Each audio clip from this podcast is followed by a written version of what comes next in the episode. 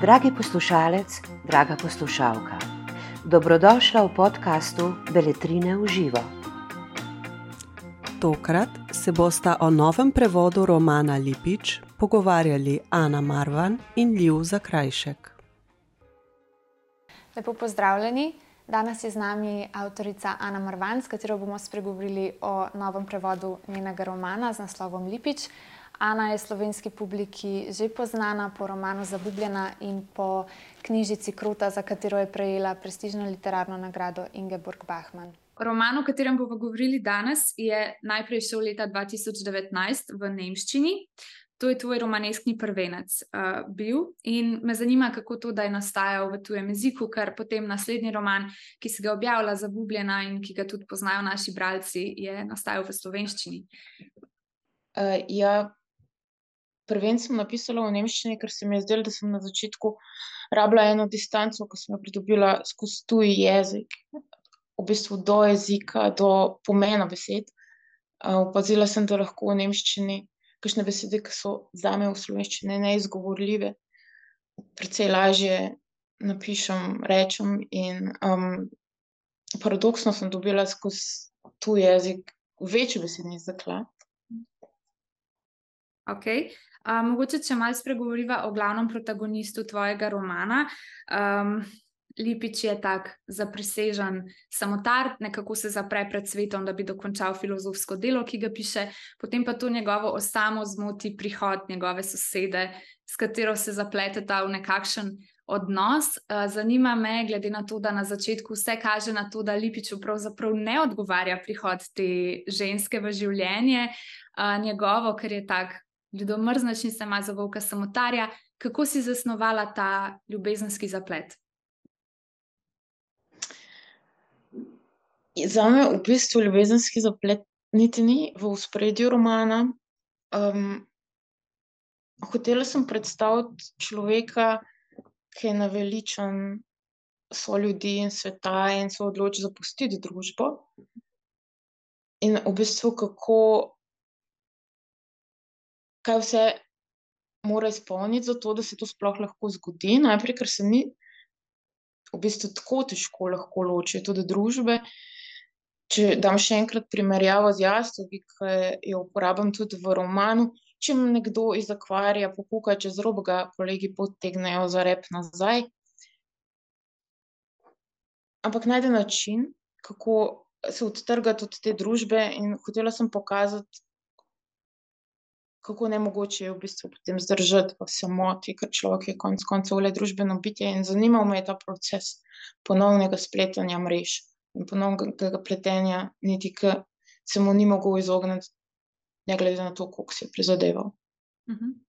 Če se mečkano stavlja tukaj, ko si omenila o tem, da je ta izstop iz družbe zelo težek, um, Lipič je samotar in to me je mečkam spomnilo tudi na protagonistko tvojega romana Zabubljena, ki je tudi na neke vrste samotarka in se tudi želi odstraniti iz družbe. Kako to, da te tok vznemirja ta lik nekoga, ki se odloči, da bo izstopil iz družbe, da bo sam, da bo otok. Kako to, da te takšni liki tok privlačijo? Ja, jaz v bistvu se nisem toliko zavedala, da je samo ta simptom mojega dela, ker Mislim, vedela sem, da ima vsak avtor neko temo, ki ga obs obsesivno zasleduje, ampak nisem vedela, da je moja tema samota. Potem, šele, ko sem z neko distanco, pa prek pogovora z ostalimi, pogledala vsa svoja dela, sem opazila, da je to res osrednja tema, ki se vedno znova pojavlja. Ampak vseeno se mi zdi, da so to različne samote. V Zabubljeni, naprimer, se mi zdi, da je bila samota značajsko pogojena. Rita si niti ni želela biti usamljena in si vedno znova prizadevala navez, navezovati stike s ljudmi, ampak njen značaj tega ni dopuščal. V kroti, če še omenim kroto, je bila osama um, pogojena enostavno z, mogoče malo s pandemijo, ampak predvsem z lokacijo, ki je bila zelo odročna. Lipič pa je edini, ki je res ljudomrznejši in ki si prizadeva pretrgati stike. uh, Tako da ne bi rekla, da, da je to vse. Mislim, da imamo na splošno veliko premalo besed in samota za vse te tri zelo, zelo radikalno različne načine pitja se mi zdi mogoče preveč pavšalno zastavljeno. Ampak ja, imaš absolutno prav, ja, samota je osrednja tema vseh, vsega, kar pišem. Me pa zanima, kako se bo zdaj spremenilo to, ko se tega zavedam. Mislim, da čim se človek za- zave svojega simptoma, se avtomatično nekaj premakne. No, vse to me napelje na moje naslednje vprašanje. V enem intervjuju si dejala pred kratkim, da si mnenja, da mogoče tudi avtorjeva interpretacija lastnega dela ni vedno tista, v narekovajih, prava interpretacija. Tako da me zanima, zdaj si omenila, da si v bistvu dobila določene odzive, tako najbrž sklepam strani bralcev in kritikov, recimo o tem, kar smo zdaj govorili. Tako da kako bralski odzivi spreminjajo način, kako ti doživljaš svoja dela? Ja, um, je zelo širok diapazon, včasih se počutim mogoče nerazumljeno, ampak to bi mi moralo biti vseeno. Včasih se mi zdi, da je bralska izkušnja popolnoma identična z mojim namenom. Včasih, in to so pa najlepši trenutki, pa dobimo od bralca odziv, ki dopolnjuje moje delo ali pa pokaže neko, ga pokaže v neki drugi luči. In um, povzroči, da sama drugače začnem gledati na, na stvari, ali pa da opazim stvari, ki, si, ki so res išle očitno iz mojega nezavednega. Recimo, um, ena študentka mi je, me je vprašala, eh, je omenila, da je zabubljeni motiv okna zelo pogost. Rekla pa je, da okno nikoli ne izpolnjuje svoje funkcije, ali je previsoko, ali umazano, ali nekaj zastira pogled, recimo drevo tik pred njim. In um, če sem hotela s tem motivom signalizirati nezmožnost poznatnosti, in to se mi je zdela zelo globoka in, interpretacija. In seveda bi se strinjala z njo, ampak je šla popolnoma iz mojega nezavednega. In uh, ta motiv niti ni bil nameren, kar me, kar me je pravzaprav zelo veselilo. Zdi se mi, da tisto, kar je, kar je najbolj, najbolj vredno na umetniškem delu, da niti ni mogoče namerno. Pa se ti zdi, da je literatura eno, eno, pri, eno privilegirano, privilegirano okolje, v katerem lahko opazujemo odnose med ljudmi? Namreč tvoj roman veliko govori o medčloveških odnosih in zelo podrobno analiziraš in, in zelo v bistvu slikovito in, in globoko prikažeš odnose med ljudmi. Kako ti to uspe? Um, ja, najbrž je to tako kot vsako stvari, če, če posvetiš veliko časa, potem postaneš, hočeš nočeš ekspert. In jaz sem vedno z, z velikim veseljem opazovala ljudi. Zanimale so me vedno mm, v bistvu malenkosti, podrobnosti in stvari, ki niso očitne na prvi pogled. In vedno me, vedno me je zanimalo tisto, kar se skriva za besedami. Zdi se mi, da, da skrivamo tako namerno, kot nenamerno. Nenamerno pač zaradi ne, ne, nezadostnosti jezika, namerno zaradi najbrž družbenih konvencij. Ampak tista plat za tančico me je vedno najbolj zanimala. Um, ja, pogled na male stvari se mi zdi, se mi zdi zelo, zelo pomemben.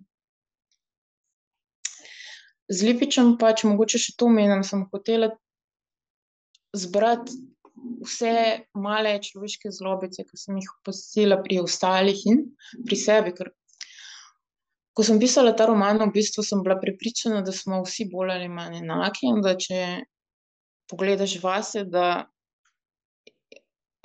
vedno lahko najdeš nek skupni imenovalec. In uh, zbiranje teh malih, malih zlobic me je Um, Ma zlobice, mogoče niti ni primeren izraz. Neprijetnosti.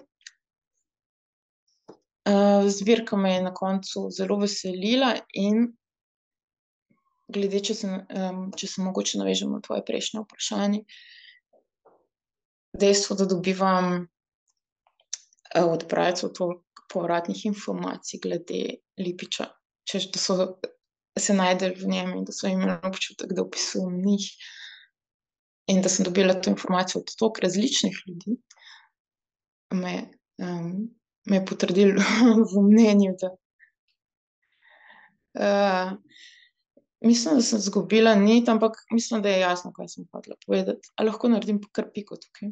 Seveda, absolutno. Se strinjam drugače. Jaz sem se tudi zelo poistovetila z njim, čeprav v nekaterih trenutkih mogoče bralcu celo majčkam gre na živce ali pa si mislijo, zakaj pa je zdaj storil to in to. Ampak se mi zdi, da an, absolutno ni antagonist, ampak um, protagonist, nekdo, s katerim stkemo zavezništvo, ko beremo in smo na njegovi strani. Vsaj jaz sem to tako občutila. Tako da mogoče še uh, sem želela te vprašati, v knjigi citiraš. Uh, vers Mile Kačič, od rojstva se zavijaš v tisočero niti, pa nikoli ne boš metul. In meni se je zdelo, da se to močno povezuje z to lipičevo željo ali pa mogoče nekim krepenjem, da bi se lahko spremenil, da bi bil nekako bolj prilagojen ali pa da ga pravzaprav na nek način moti, kako se okolica do njega obnaša, oziroma da si želi, da bi mu bili te stiki z ljudmi nekaj, kar bi mu enostavno bilo bolj naravno ali pa lažje zastkati. Um, se mi pa zdi, da je to zelo težka naloga preobraziti samega sebe. Ampak je tudi o tem tvoj roman, v bistvu o tej napetosti med tem, da se želimo spremeniti, pa hkrati ostati zvesti svoji naravi. Um, ja, o tem v eni pasaži prav konkretno govorim, da so mislim, definiram so ljudi kot tisto, kar nam preprečuje spremembo. Zaradi tega, ker čutimo neko obveznost do te konsekventnosti, da ni preveč obrupnih sprememb, ker se zavedamo vedno tujega pogleda na sebi. In um, glede na podobo, ki jo imajo ljudje o nas, prilagajamo tudi svoje svoje dejanja, če nočemo izpasti nenormalni. In ja, absolutno se, se Lipič počuti ujet v samega sebe, ampak on to definira kot ujetost v družbo. In ja, mogoče pa nezmožnost pristnega spletanja stikov z ljudmi. Tudi ena od osrednjih tem. Uh, konec koncev sem dala naslov v nemškem jeziku, krok suhe južine, ker suha južina, um, recimo pajkovec, ki ne zna spletati mrež, samo nit lahko proizvo, proizvede in uh, lep še z možem proizvede nit, včasih celo rdečo, mreže pa mu ne uspe splesti, ne glede na to, koliko se prizadeva. Še eno tako opažanje, Lipič pred svetom beži v pisanje, v svojo knjigo, v teorijo, je zelo analitičen človek. Podobno tudi Rita, protagonistka tvojega romana Zabljubljena, je tudi pisateljica in tudi na nek način beži v svet besede in literature. Um, umestiš svoje like v ta svet literature, kamor bežijo pred svetom, ker je to zavetje, ker je to neko, nek neomadeževan kraj, kamor se lahko v sodobnosti zatečemo, da smo nekako varni pred drugimi, tudi pred sočlovekom, konec koncev. Ja, v bistvu se mi zdi literatura, pa ne bi zdaj definirala književnosti na splošno, kot um, da je to njena funkcija. Mislim, da ima veliko, veliko drugih funkcij, ampak ena od značilnosti je sigurno spoznavanje sočloveka, brez da bi bila brez interakcije. Se pravi, človek lahko samo sprejema, sprejema, ni mu treba reagirati, ni mu treba vrednotiti stvari. In to popolno, popolno sprejemanje se mi zdi v bistvu zelo hkrati človekoljubno in hkrati solipsistično. In ta paradoks me vedno navdušuje. V katerem delu snovanja likov najbolj uživaš, oziroma v katerem delu snovanja knjige ali pa pisanja najbolj uživaš? Um, v bistvu je največji užitek v trenutkih, ko imamo občutek, da se liki zoprstavijo moji strukturi in da moram zapustiti plan, ki sem, sem, ki sem, uh, za katerega sem se odločila,